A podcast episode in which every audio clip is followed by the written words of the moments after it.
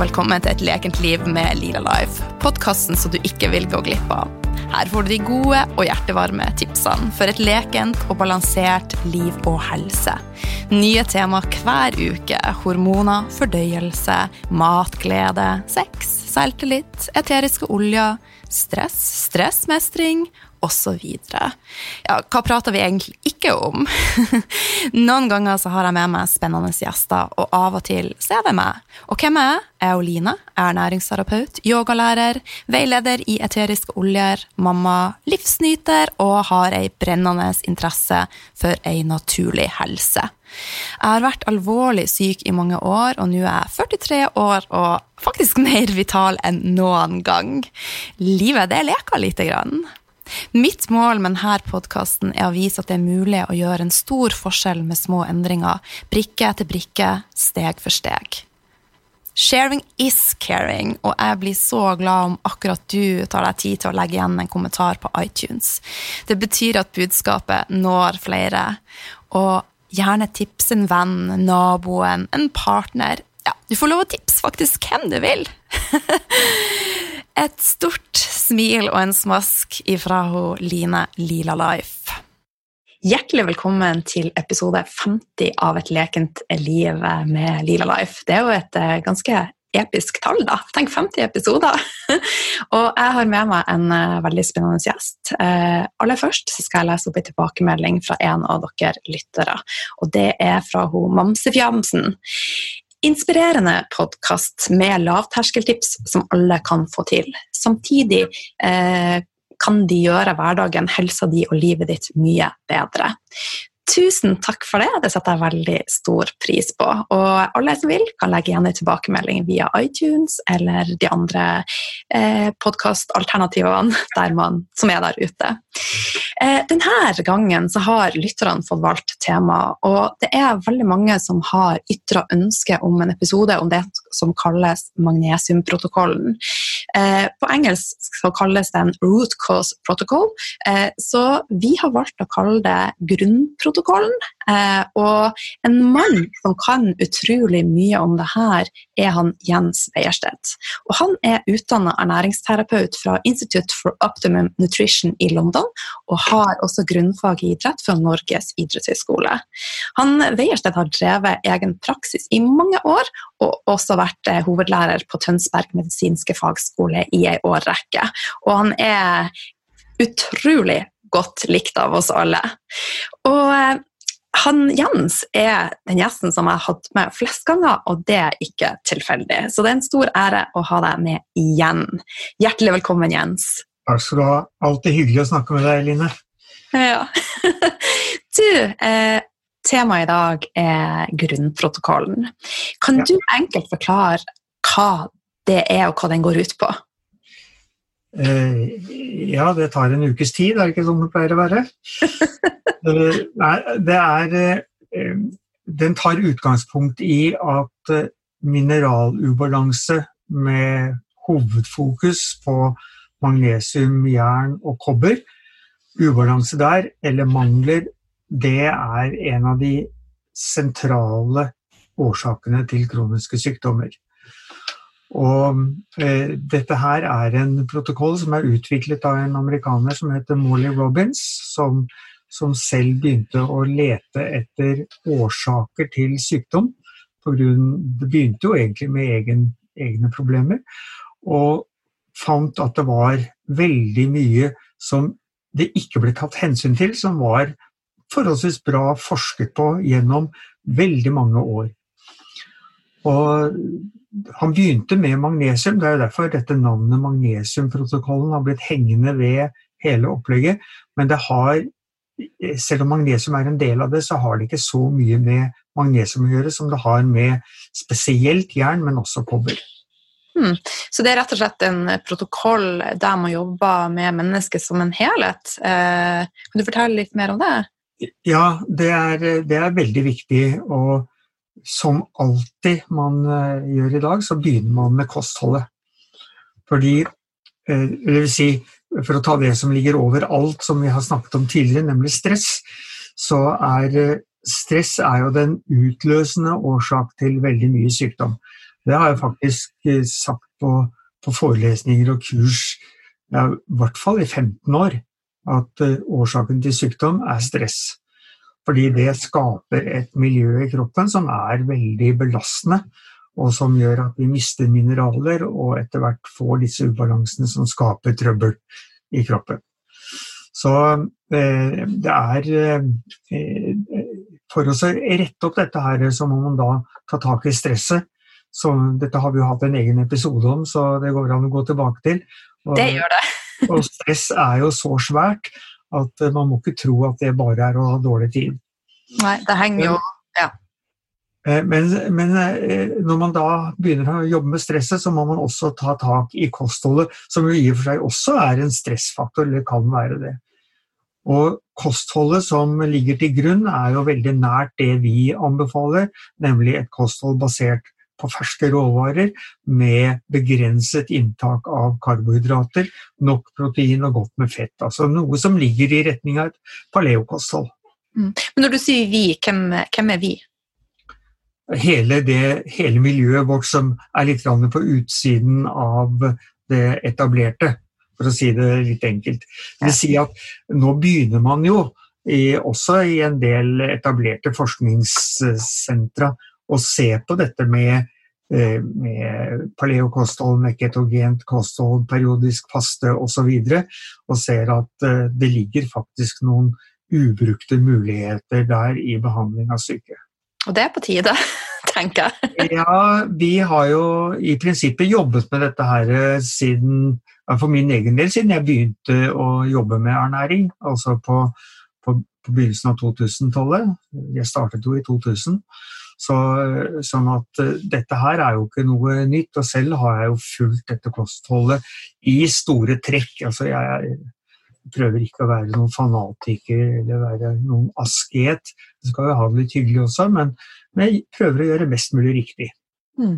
Men når du sier da mest mulig rene råvarer, er det enkelte ting man bør ta bort hvis man skal gå på da grunnprotokollen? Noe, noe ting man må stoppe med? Eh, ja, når det gjelder kosthold, så, så, er det jo først og fremst å klarlegge om det er ting man reagerer på, fordi igjen, det er stress for kroppen. Eh, og så er det eh, å ha riktig balanse omega-3 og omega-6. Vi vet jo at eh, i et moderne kosthold så er det et veldig stort innslag av planteoljer. Og planteoljer generelt sett inneholder store mengder omega-6. Alt som solsikke, sesam, soya, druekjerne, maisolje osv. inneholder mye omega-6. Og fordi det er lite omega-3 i maten vi spiser, så er det veldig fort gjort at det blir en ubalanse her. Og det er kjempeviktig. Så et av rådene er jo å, å være veldig forsiktig med vegetabilske oljer. Olivenolje, rapsolje, kokosfett er vel de, de fettypene som, eh, vegetabilske fettypene som er greie. Og det som er et problem også i dagens samfunn, de her eh, omega-6-kildene som du refererer til, finner vi jo veldig mye av i ferdigmat og i chips og i godteri og i kake. Og ja, men du kan si det, det er jo en av årsakene til at man fokuserer på ferske råvarer. Fordi i ferske råvarer så er det bare de naturlige fettypene, og hvis man da også kan klare å få tak i noe økologisk, så er man jo enda et skritt videre. Ja. Eh, når du sier å ta bort de tingene som man reagerer på, eh, så kan jo da det være lurt å avdekke hva reagerer vi på med en, eh, at man har et utgangspunkt der man har tatt prøver. Hva tenker du om det? Ja, det er, det er, jo, eh, det er jo flere ting man kan gjøre. Det går an å ta tester. De er vel, som de fleste vet, ganske omdiskutert, i hvert fall innenfor skolemedisinen. Men det er faktisk etter, etter hvert en god del forskning som viser at eh, det er noe å ta hensyn til de testene som måler da IGG og IGA i, eh, i blodet. Som er altså antistoffer som man får på, mot matvarer som man ikke skal ha. I hvert fall det er, det er, visse tolkningsgreier der, sånn. men, men, det er jo bl.a. Eh, en, en italiensk forsker som har jobbet i USA en del år nå, som har, har vist at eh, gluten, eller gliadin, da, som er en del av gluten, kan føre til det vi kaller lekktarm, som jo er en av faktorene som fører til at vi reagerer på mat. Så det å eliminere gluten kan være lurt når du skal sette i gang? Ja, jeg tror jo det. Hvis man har litt eh, si, kroniske plager, så er det verdt å teste ut gluten. Det behøver ikke være der problemet ligger, men det kan være. Og det er jo også, eh, du kan si Når man skal kutte ned på karbohydrater til en viss grad, så er jo korn noe av det vi oftest peker på som noe som kan være lurt å ta vekk eller begrense. Hmm. Så da har vi, eh, vi prøver å eliminere gluten, og det kan være lurt å eliminere ting som man kjenner at man reagerer på. Er det andre ting i denne grunnprotokollen som eh, kan være lurt å stoppe med? Ja, nå er det en del av de tingene som For de har en egen liste med tolv forskjellige elementer man skal stoppe med. Og en del av dem er veldig nær knyttet til de forholdene man har i USA. Blant annet der er det fluor i vannet, eh, altså i drikkevannet i ganske mange stater. Det, eh, fluor er ikke bra hvis det blir noe særlig mengde av det. Bitte lite grann skal vi ha for ben- og tannhelse, men eh, det har fått en status som jeg tror er ufortjent. Eh, og så har vi high fructus corn syrup, som fortsatt er forholdsvis lite benyttet i USA, selv om det er mange som har lyst på å bruke det fordi det er billig og søtt. Eh, men det har vært ganske stor motstand mot det. Men nå er noe som jeg mener heter isoglukose på vei inn. Det er stadig økende forbruk av det, som jo bare er et annet navn på det samme. Og den, det er et stoff hvor fruktose og glukose er spalt, ferdig spaltet, ikke som i sukker, hvor de henger sammen. Og du kan også justere opp fruktoseinnholdet for å få økt søthet. Det fører til en belastning på lever hvis det blir mye av det. For all fruktose må vi ha lever for å, for, for å kunne utnyttes eller gjøre noe i kroppen. Er det her noe vi kan risikere å få i uh, våre matvarer her i Norge? Det tror jeg. Fordi ja. det, er, det, er, på vei inn i EU, og da vet vi jo at det er på vei inn til oss også. Sånn at Som forbruker så er vi nødt til å faktisk ta ansvar og sette oss inn i hva maten inneholder, og gå for rene, rov, renest mulige råvarer. Ja da, Eh, men nå er det, det er klart at eh, tilbake til det, det, jeg sa for min egen del, det å begynne å bli helt fanatisk, det, det er ikke nødvendig for alle. Jeg, jeg, vet jo at noen er så dårlige at eh, spiser de noe de ikke skal ha, så, så blir de sengeliggende en uke. Og det er klart, de må være pinlig nøyaktig. Og jo dårligere du er, jo nøyere må man være. Mm. Men for en som eh, ja, bare har mindre ting som man ønsker å rette opp, så trenger man ikke å være så voldsomt, voldsomt pirkete. Men for vi må også opp, for opphengt i en ting, så kan jo det også være et fysisk stress for kroppen? Det er stress så det holder. Og jeg har jo ofte trukket frem uh, dette eksempelet med at man er misfornøyd med det man får til når det gjelder mat. Fordi at av og til så har vi jo ikke full kontroll på det vi skal spise. Og, og da må vi bare si til oss selv dette er det beste jeg får til nå, dette blir bra for meg. Det er så viktig. Så noter det ned, dere som hører på. Vær fornøyd med det du gjør. Ja, Gjør så godt du kan. Ja. Det er det beste du kan, og da må du være fornøyd med det.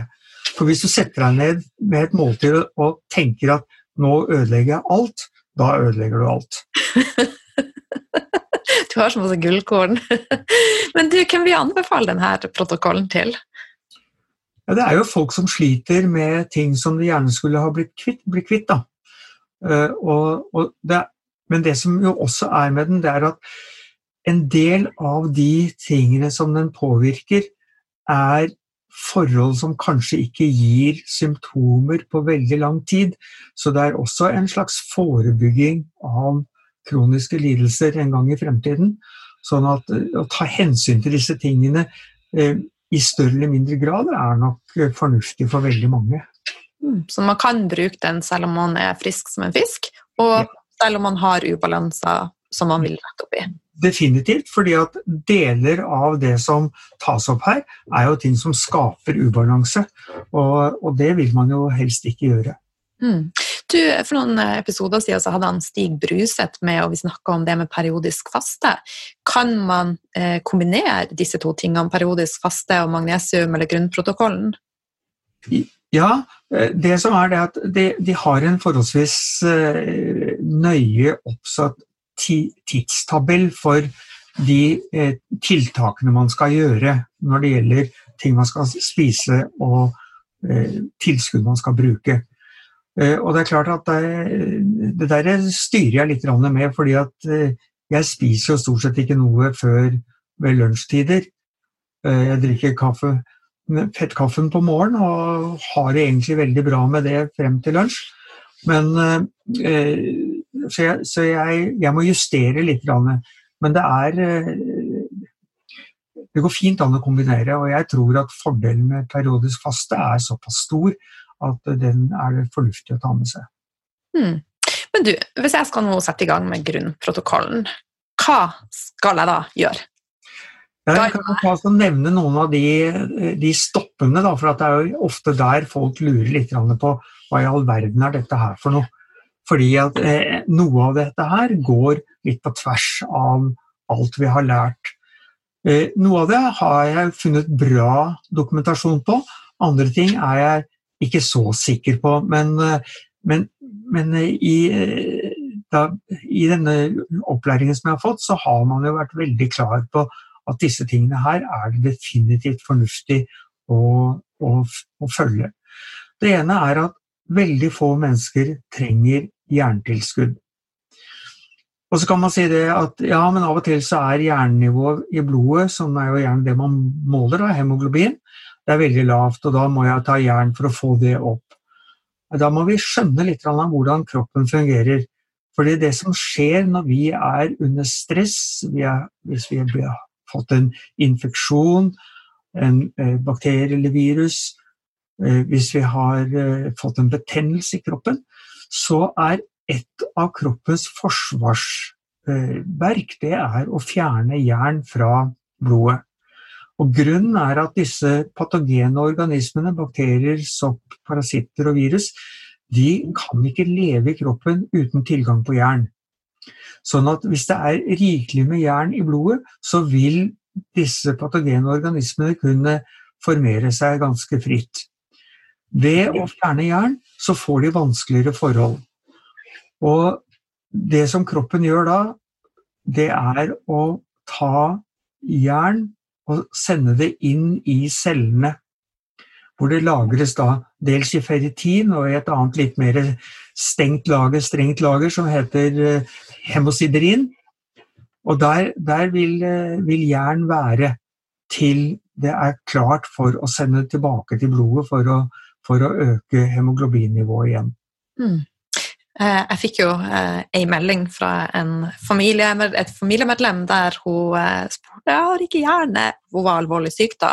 Hjernen mitt er borte, hvilket hjernetilskudd skal jeg starte med? Men dette er jo da et sånn klassisk eksempel på det du beskriver. Kroppen går i forsvar for å beskytte, rett og slett. Det er jo ganske finstemt og eh, fascinerende maskineri. Ja, det, og jeg kan jo fortelle at det, det ble for en god del år siden gjort et forsøk med malariapasienter i Afrika. Eh, malariapasientene de hadde lavt jernnivå. Så ga man jernpiller til halvparten av en gruppe, mens den andre ikke fikk noe. Og Der viste det seg at dødeligheten var markert høyere i den gruppen som fikk jerntilskudd, enn hos de som ikke fikk jerntilskudd.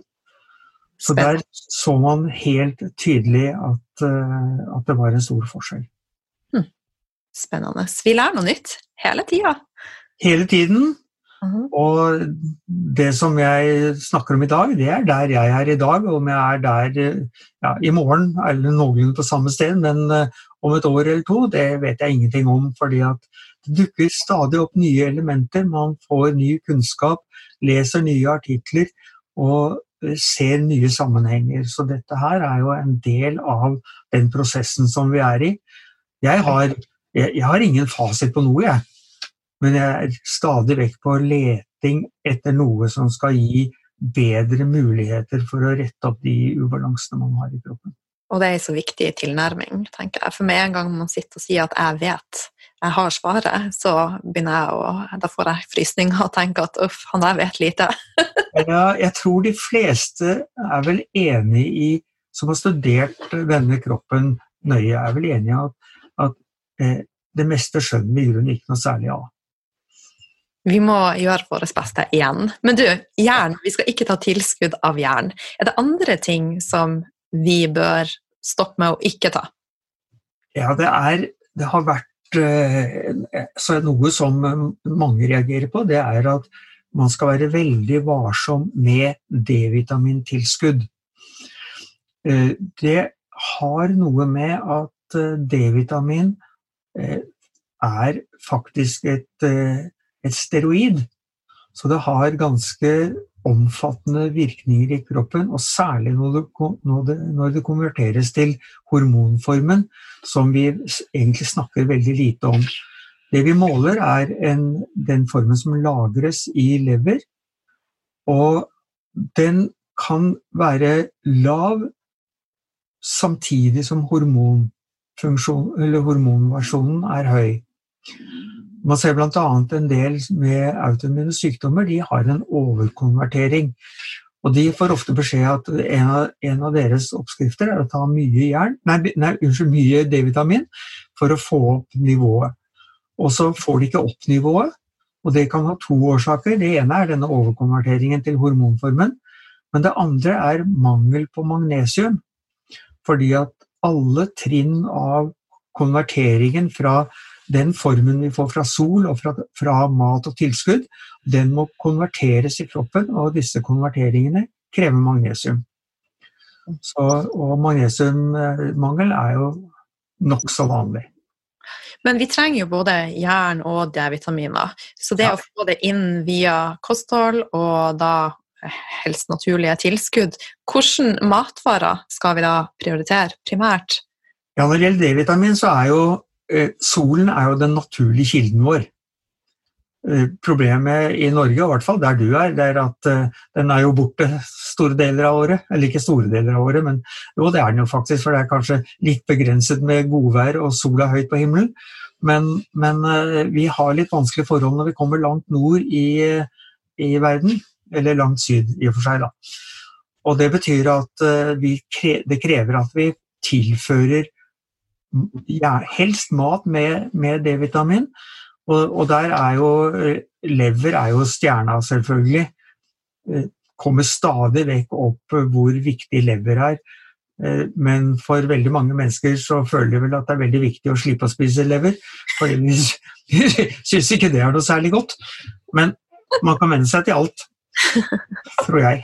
Men, men, i hvert fall det, så, det som er med, med, naturlige kilder, og det er faktisk et, et, poeng som sjelden trekkes frem, det er at der får du D-vitamin sammen med A-vitamin.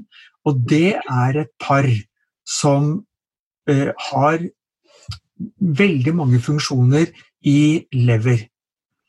Og for leveren, som vi vet, er en fabrikk med, som gjør utrolig mange Det er vel over 500 forskjellige funksjoner i lever, så vidt jeg vet. Og, og, og, det å få den til å fungere er avhengig av en rekke næringsstoffer. Og A- og D-vitamin er da sentrale for lever. Så det betyr at det å få for lave D-vitaminnivåer, det er absolutt ikke noe å stå etter. Men at de skal bli for høye, ser ut til å være en, en ulempe. Og det er faktisk en egen side på Facebook som, som behandler dette med D-vitaminproblemene. At uh, for mye D-vitamin er et problem. Mm. Men gode kilder, da? Fra naturlige ja, uh, Du har sagt lever? Lever. Det er jo noe i, i alt animalsk fett. Eh, det er litt varierende, men det er alltid noe særlig fra dyr som da har gresset. Det er i meieriprodukter. Vi vet at en fersk melk, altså hvis vi da ikke, ikke lar den gå gjennom for mye prosesser, så inneholder det både A- og D-vitamin. Hvor, hvor, varmestabile de er, det vet jeg ikke. Så om de fortsatt er i melken etter pasteurisering, kjenner jeg ikke til. Eh, eller om den D-vitamin og A-vitamin som vi finner i melk, er tilsatt etterpå. Det er jeg usikker på. Mm. Så, så, ideelt sett så skulle vi jo hatt fersk ferskmelk da, som ikke er pasteurisert. Men, Men det, er, det, er, jo en annen historie. Ja, eggeplommer eller egg. Ja, egg er jo, egg er jo også en, en kilde til både A- og D-vitamin. Og gressfora kjøtt. da. Og det er kanskje ikke så lett å få tak i, men det kommer flere og flere Reko-ringer, sånn at man må der være litt nysgjerrig. Så er det alternativer. Ja, det er, det er etter hvert flere og flere som ser dette her som, som en mulighet, altså som driver innenfor landbruket. Så, så, det er nok en økende interesse for de tingene som eh, foreløpig er litt spesielle, men som sannsynligvis flere og flere vil være opptatt av. Og det er supert. Ok, så Hjernen skal vi være forsiktig med. Eh, tilskudd av D-vitaminer. Heller prøve å være ute i sollys og spise matvarer som gir deg både D-vitaminer og A-vitaminer. Det er andre ting som vi må eh, være forsiktige med.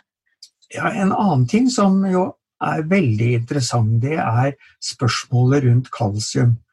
Vi har jo hatt eh, nærmest hyster, et hysterisk forhold til kalsium fordi vi er så plaget av osteoporose i Norge. Men problemet med kalsiumtilskudd er at det er ikke sikkert at det kalsiumet vet at det skal inn i bena.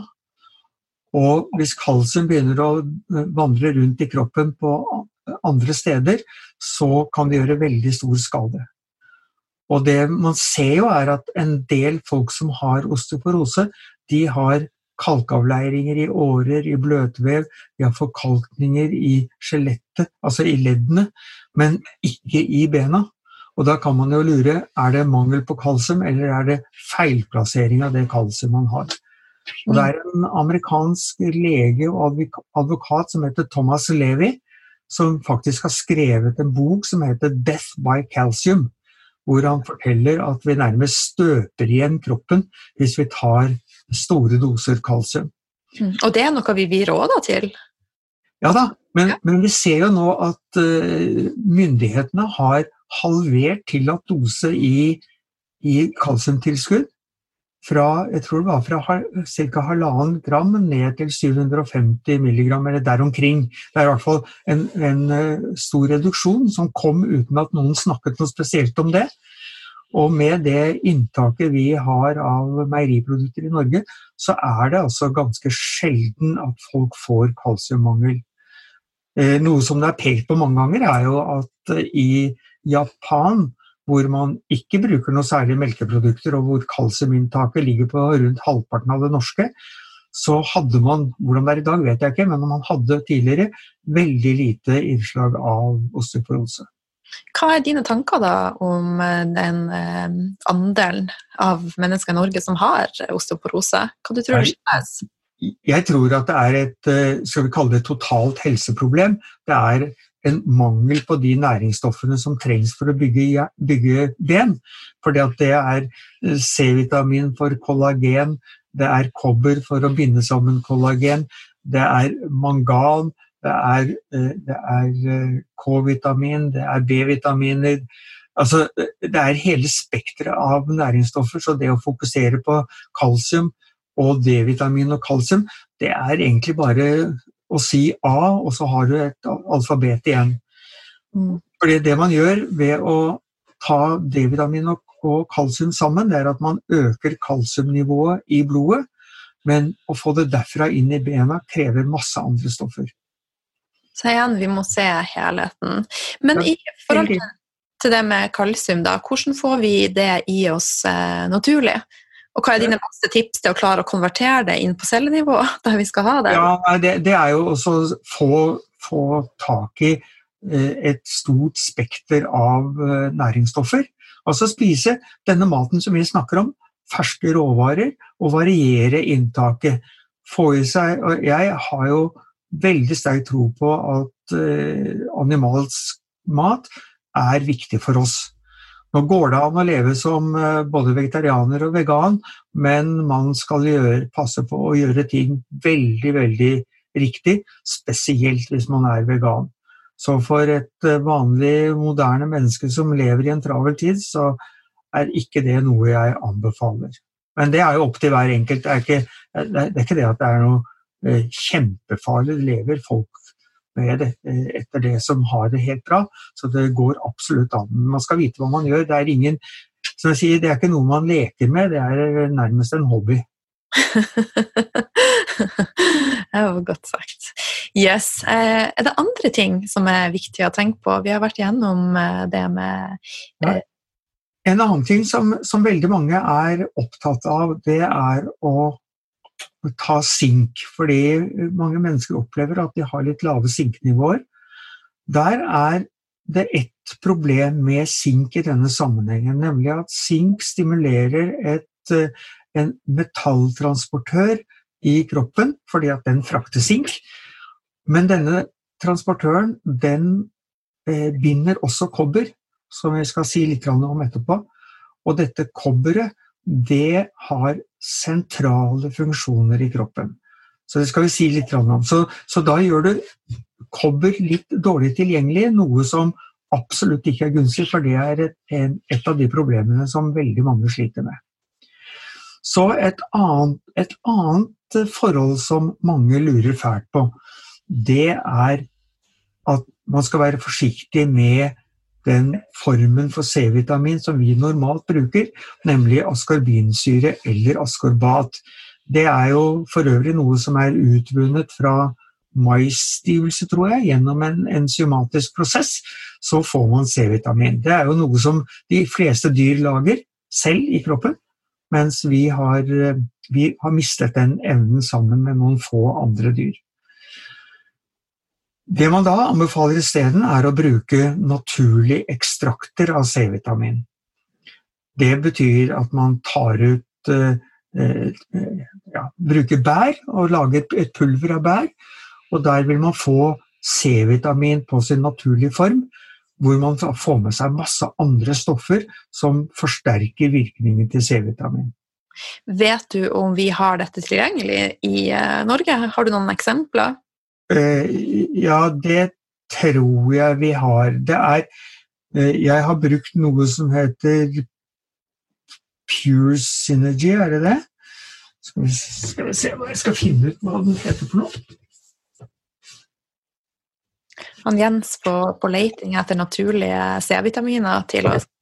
Ja, det, det er, Firmaet heter Pure Synergy, og det er, jeg tror det er en et, et firma borte på Vestlandet som har agenturer på det. De er ganske dyre, men kjøper man pulver, så er det veldig drøyt, så man behøver ikke ta så mye.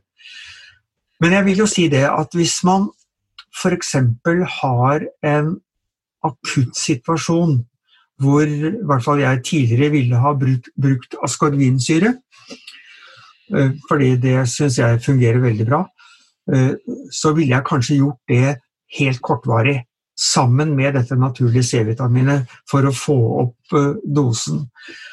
Uh, nå er det at man blir uh, får en infeksjon, det er ofte et tegn på at immunforsvaret ikke er 100% Jeg pleier ofte å si det sånn litt fleipete at en frisk kropp blir ikke syk. Så før vi blir syke, så har vi gjort noe med den som gjør at den ikke fungerer som den skal. Og dette noe er jo da knyttet til stress, selvfølgelig.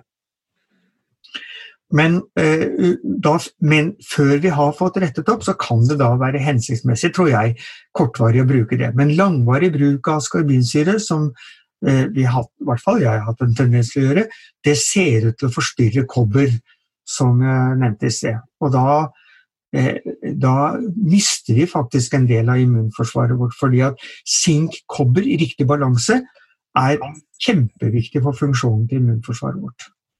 Dette er jo litt eh, komplisert, men utrolig spennende. da. Og hva er det med kobber? Hvorfor er kobber så viktig?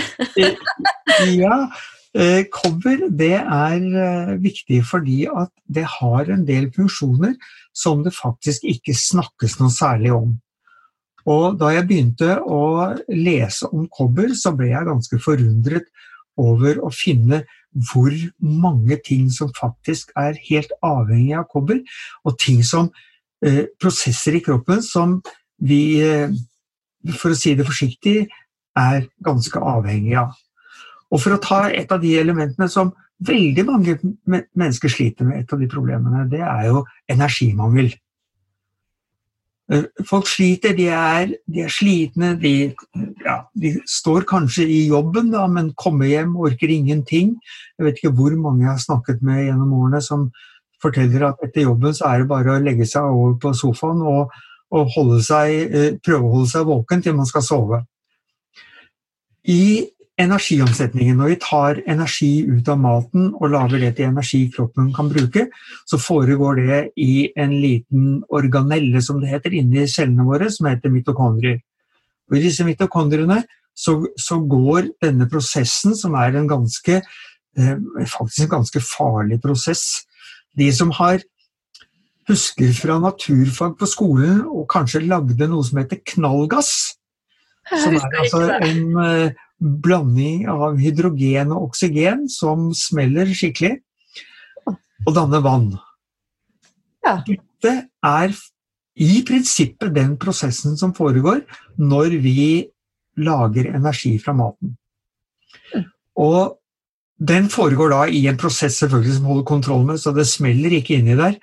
Men, eh, men, det, men det foregår altså en rekke trinn under ster veldig sterk kontroll. Her er jo et av de stedene hvor antioksidantene våre er aller, aller viktigste er under den energiomsetningen.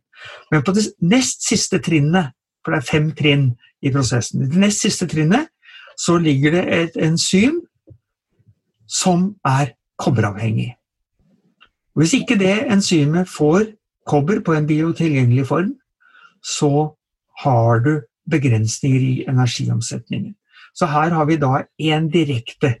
Og vi kan jo ta med oss neste leddet, fordi vi allerede har vært inne på det. Der henger magnesium.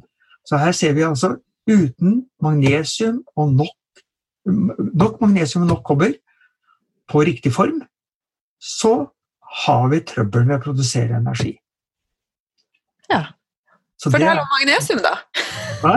Ja, Nå må vi bare fortsette. Fortelle om magnesium. Ja, jeg skal ta det, men jeg skal bare nevne et par andre ting. For det er, det er en, noen andre elementer med kobber som, som, påvirker ting som mange sliter med. Vi vet at kollagen er mange opptatt av i dag, og de tar kollagentilskudd. Nå kan man jo diskutere om det direkte gir kollagen i kroppen. Det gir i hvert fall råvarene. fordi at har du en fordøyelse som virker, så spalter du jo kollagen når du spiser det. Men det å ha riktige råvarer, riktige aminosyrer, det er lurt. Men for å sette dem sammen på en måte som kroppen kan bruke Først så trenger vi C-vitamin for å lage kollagen, og så trenger vi kobber for å kryssbinde kollagenet så det blir sterkt. For kollagen er egentlig bare en tråd. Men for å binde sammen disse trådene, som skal bli bindevev, som skal bli disse forskjellige eh, si, hinnene i kroppen som holder kroppen sammen, som skal være reisverket i bena våre, så må vi ha kobber. Mm. Vi trenger kobber for å få dannet mel melanin, altså farvestoffet vårt, i huden. Så uten kobber blir vi ikke brune. Uten kobber så bryter vi ikke ned histamin. For histamin er et stoff som vi er helt avhengig av, men som de som har høysnue og, og allergier, vet skal helst ikke ha for mye av det. Og uten kobber så har vi trøbbel med å bryte ned. Og det er ting som tyder på at en del av problematikken som er knyttet til histamin, er dels knyttet til kobber, den er dels knyttet til et annet eh, stort område i kroppen som heter metylering. Og her sist uke så lærte jeg at vitamin B2 er en kofaktor for mange av de prosessene som skal bryte ned histamin. Mm. Og det var faktisk et råd jeg hørte, at har du migrene, så går det an å prøve seg frem med megadoser med B2. Altså vi snakker om 300-400 milligram med B2.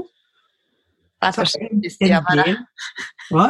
Jeg sier vær forsiktig. Jeg har bad, bad experience. Ja, det er B3.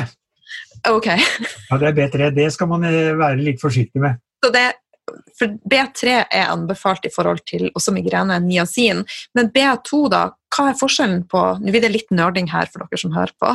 Eh, hva er forskjellen da på B2 og B3? Sånn i forhold til Forskjellige vitaminer? Ja, det, men hvordan det virker? Å ja, nei, de har helt forskjellige virkninger. B3 har faktisk veldig mange kraftige funksjoner og virkninger i kroppen. B2 har, er ofte en kofaktor i veldig mange prosesser, som i og for seg B3 er også. Men det er som sagt det jeg lærte nå i siste uke, det var akkurat i forbindelse med histamin, så har det en spesiell funksjon med i, for å aktivere de enzymene som bryter ned histamin. Mm. Ja. Eh, litt mer om den, eh, for jeg tok en dose med B3. Jeg hadde hodepine. Det var noen som eh, anbefalte at det var lurt, så jeg tok jeg har aldri tatt noen store doser, så jeg tok 500 milligram. Ja. Og jeg mista totalt kontroll på kroppen min, og det føltes som det dummeste jeg noen gang har gjort. så det kommer jeg ikke til å gjøre igjen. Men når jeg har fått reflektert, så er det sannsynligvis at jeg har også et metyleringsproblem. Jeg, har, eh, jeg mangler B-vitaminer. Eh, har jeg resonnert meg til. ja, og det, det, som antageligvis det som skjer, er at uh, du får, uh, du får en, uh, en hemning av metyleringen med B3 samt frigjøring av histamin. Mm. Sånn at eh, Det er jo den, den, rødheten du får i kroppen. I hvert fall så er det den forklaringen som er gitt av, av Abraham Hoffer, mannen som har da jobbet masse, eller jobbet masse med, med niasin i forbindelse med, forskjellige sinnslidelser fra fem, begynnelsen av 1950-tallet. Eh, så Der snakker man om frigivelse av histamin. Og det kan bli voldsomt.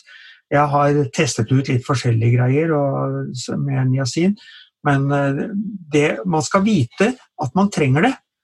Fordi at hvis man f.eks. har litt dårlig metylering, så vil B3 gjøre det verre. Mm. Så det er, ingen, det er, ikke noe særlig lurt tiltak. I det hele tatt skal man vite hva man gjør, før man går utover det man naturlig finner i mat. Mm. Så det kan være så lurt å ha en veileder på, på laget i store endringer. det er nok eh, lurt å ha noen å prate med som har sett på disse tingene, og, og som ikke har alle svar og er for bastante. Jeg er alltid litt redd når folk har det. Mm. Men tilbake da til grunnprotokollen. Vi har prata om viktigheten nå av eh, kobber eh, og vi har prata litt om eh, magnesium. Har du noe mer å supplere i forhold til det med kobber, eller kan vi hoppe litt inn på magnesium? Jeg kan gå videre til magnesium, fordi det er, det er veldig sentralt. Uh, og grunnen til det er at uh, det er veldig, veldig mange forbindelser i kroppen hvor magnesium inngår. Og det var en som hadde eller en gruppe nå som hadde for noen år siden publisert en artikkel hvor de pratet om kroppens magnesom. Altså rett og slett eh, alle de stedene hvor man kunne finne magnesium. Og de endte opp med 3751, tror jeg det er 51 eller 52, men der omkring, med forbindelser hvor magnesium kunne spille en rolle. Og eh, da sier det seg selv at eh, når da tap av magnesium er noe av det første som skjer under stress, så vil magnesiummangel være et stort problem. Det typiske symptomet som vi alltid, alltid titter etter, det er kramper.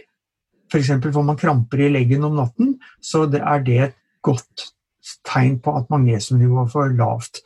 Det har også en ganske nær tilknytning til høyt blodtrykk. Fordi at hvis man mangler magnesium, så har man en tendens til at musklene rundt blodårene trekker seg sammen, og så får man stivere og trangere blodårer, og så går blodtrykket opp. Så med enkle grep så kan vi faktisk gjøre en forskjell. Så det å ta seg et Epsom-bad eller smøre seg inn med magnesium eller Ja, for i hvert fall det er én mulighet. Det er, øh, som vi vet, det er aldri sånn at ett symptom har én årsak. Det er alltid mange muligheter.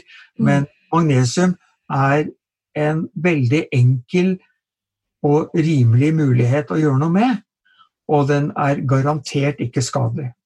Så i forskjell til de andre tingene vi har pratet om, så er det trygt å ta tilskudd av magnesium? Ja, det er eh, Altså, det man kan oppleve hvis man tar for mye magnesium, det er at man får diaré.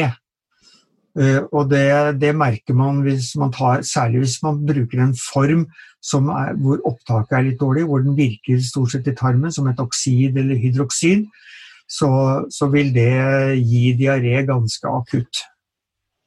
Mm. Mens på de formene som vi anbefaler, som er uh, hovedsakelig glysinat og malat, og det finnes også en joneform, en flytende magnesium på joneform som, som mange har god erfaring med, Eh, og så har vi det som er kanskje mest vanlig, er sitrat, men der skal man være klar over at eh, noen som har litt følsom tarm, kan få en irritert tarm av sitrat. Hmm. Men du, den her grunnprotokollen ja. Så vi oppsummerer bare i grove trekk. Hva starta vi med? Altså hvilken type matvarer, hvilke tilskudd, hvilke tiltak? Ja, Det viktigste er jo å ta tak i stresset og kostholdet. Det, det trumfer alt. Og eh, så er det at man må sørge for at man får eh, opp e-, elektrolyttbalansen. Så det anbefales ofte at man bruker et eller annet mineraltilskudd. Og der finnes det forskjellige eh, tilskudd på markedet som gir elektrolytter. Så har de en, eh, en snedig greie som kalles en binyrecocktail. Eh, vi vet at binyrene er belastet under stress, og hvis man går med kronisk stress over veldig lang tid, så ser man ofte at uh, funksjonen på binyrene blir dårligere. Uh, nå er vi også inne på et område hvor ikke det er sånn unison enighet om dette her, men la oss holde oss til det vi tar utgangspunkt i. Og Det består av noe som heter cream of tartar, som er et kaliumsalt det består av litt uraffinert salt, og det består av en eh, C-vitaminkilde. F.eks. en ferskpresset appelsin eller ferskpresset sitron, og kanskje med litt C-vitaminpulver oppi. Dette drikker man eh, mellom måltider én til to ganger om dagen. Og der har jeg faktisk en del tilbakemeldinger som forteller at de som prøver det, merker at det hjelper på energien. Så vi skal ikke være redd for å bruke naturlig salt, det er vel kanskje viktig å nevne. Men det er cream tartar, hvor eh, finner lytterne det? Ja, det er jeg litt usikker på jeg, hvor du fortalte det. Jeg kjøpte det på apoteket en gang i tiden, for jeg brukte det i en helt annen sammenheng. Så jeg kjøpte en kilo, for jeg brukte det i en sånn blanding som jeg ga til folk for å teste reaksjonen på det og glukose. Og, og da kjøpte jeg en kilo. Med, hvor det, apoteket har det i dag, vet jeg ikke. Eh, jeg har kjøpt det fra utlandet, der får man tak i det. Og jeg ser også nå at eh, en del av nettbutikkene har det. Så det, går, det der finner man ut av. Det går også an å snakke med sin lokale helsekost og høre om de kan sjekke om det finnes. Det kan godt være at de har det, jeg har ikke undersøkt. Ja. Ok. Så er det magnesium, naturlig C-vitamin, som vi har snakket om, og så er det magnesium. Eh, så er det å bruke en eller annen eh, naturlig form for A- og D-vitamin, og det anbefales jo å bruke en god torskeleverolje eller tran. Nå finnes det etter hvert noen trantyper som ikke har vært gjennom en varm prosessering, men hvor de har fått til en kaldfiltrering som fjerner miljøgifter, for det er jo et problem med alt som kommer fra havet i dag. Og dette er jo først og fremst for å få omega-3, A- og D-vitamin. Har du ei sjøl som du er veldig glad i, et type merke? Eh, ja, altså, eh, I denne, denne, gruppen borte i USA så er de jo veldig glad i en, et norsk produkt som er nok lite kjent, som heter Rosita. Eh, jeg har prøvd det så vidt det er. Eh, hvis man lurer på hvor det kommer fra, så er det bare å lukte på den fordi at det lukter fisk. så der er det ikke noe tvil om, tvil om hvor det kommer fra. Men rosita? Eh, hva? Det heter rosita? Rosita, ja. Det, ja. det, det lages oppå Dønna. Ja. Der er det noen som har startet det, og de er jo superbegeistret for den borte i USA. Ja. Eh, så, det, eh, så, bruker man eh, noen naturlige kilder til B-vitaminer. Lever er jo igjen en veldig god kilde. Og leverkapsler er jo selvfølgelig et alternativ, det går an å bruke. Men det er også en del noe B-vitamin. Det er ikke overdrevet mye, men det er noe B-vitaminer i bipollen som jo har en del spennende egenskaper i tillegg. Og det er jo faktisk veldig godt. Jeg bruker å strø det over smoothie bowls og Ja, ja, ja visst er det godt. Kjempegodt. Ja. Og så er det litt andre tiltak som er, men eh, jeg tror hvis man skal begynne på dette her, så, så må man bare lese seg litt opp. Eh, på den amerikanske siden, hvis man søker på eh, RCP, som jo den heter på, på engelsk, Root Cause Protocol, så kommer man til den siden, og der, der ligger selve protokollen tilgjengelig og kan lastes ned av alle som er interessert. Og så, eh, så er, kan det jo være lurt å, å, søke hjelp fra noen som har studert dette her. Og det, det er etter hvert en del norske som har tatt den utdannelsen bort til statene, og de har en oversikt over det i USA. Det er også mulig å, å prøve denne Facebook-siden til Magnesiumprotokollen Norge. Hvor, hvor, veldig mange av de som har tatt denne, er inne og er med på diskusjonene. og Da kan man jo bare stille spørsmål om det er noen i nærheten av der man bor, som kan hjelpe.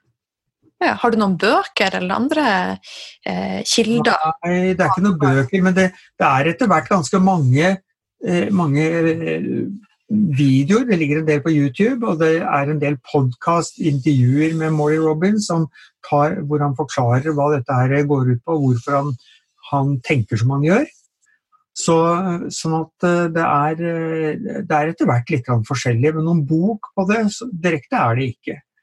Eh, på en, den opprinnelige siden hans, som heter gotmag.org, der ligger det en hel haug med artikler både om jern og kobber og D-vitamin, hvor de som er interessert i å grave seg inn i, i vitenskapen her, har nok for antageligvis flere liv for å studere.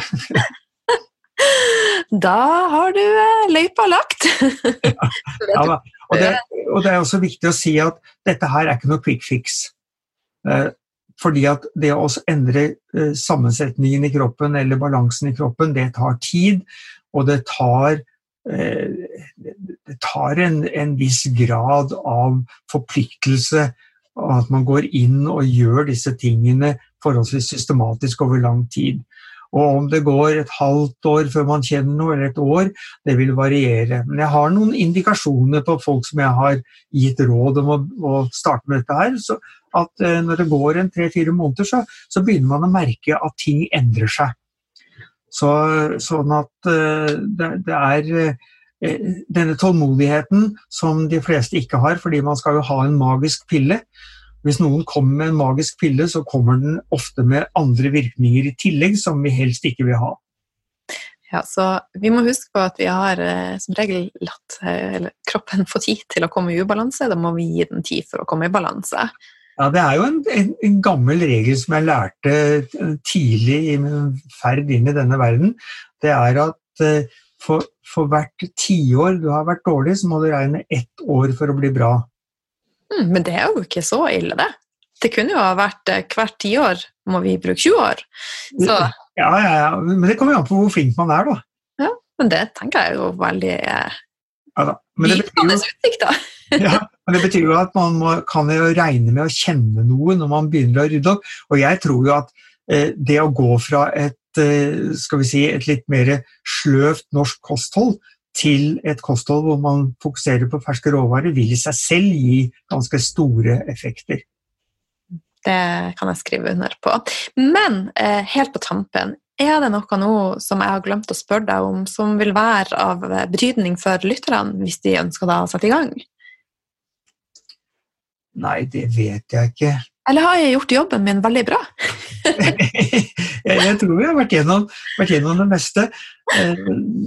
Selve dette Det underliggende her er veldig, veldig komplisert. Og selv har jeg nå eh, Det begynner å nærme seg tre år siden jeg kom over denne her protokollen og begynte å lese disse, disse artiklene. Eh, og jeg er fortsatt ikke i mål. Så, sånn at det er, et, eh, det er et studium for livet for de som vil skjønne detaljene her. Mm. men den gode nyheten er at man trenger nødvendigvis ikke å skjønne detaljene, for vi har flinke folk som Jens som kan guide oss gjennom det. ja, og det er, og som sagt, det er, det er flere nå som har, har gjort dette. Jeg, jeg driver hovedsakelig med undervisning, så jeg er liksom litt begrenset med tid. Men, men, det er flere i Norge som, som har utdannet seg og, og, kjenner protokollen godt, og kan hjelpe til med både å få tatt de målingene som kan være fornuftige, og de tiltakene. Men du er jo og guider oss her i dag. Hæ? Du er jo og guider oss her nå. Ja, lite grann, men det er jo du kan si De aller fleste vil nok trenge litt mer gjennomgang og forklaring på hvorfor man gjør det man gjør. Fordi at uh, man må ha Altså, Noen svelger jo alt det de får og bare sier at ja, dette vil jeg følge, og så gjør de det som blir sagt, mens andre er nok mer nøye på at de skal skjønne litt av det viktigste grunnlaget, i hvert fall. Mm. Yes, men med det så uh, tror jeg jeg takker så mye for at du ville være med oss, Jens. Veldig hyggelig. Bare hyggelig. Alltid.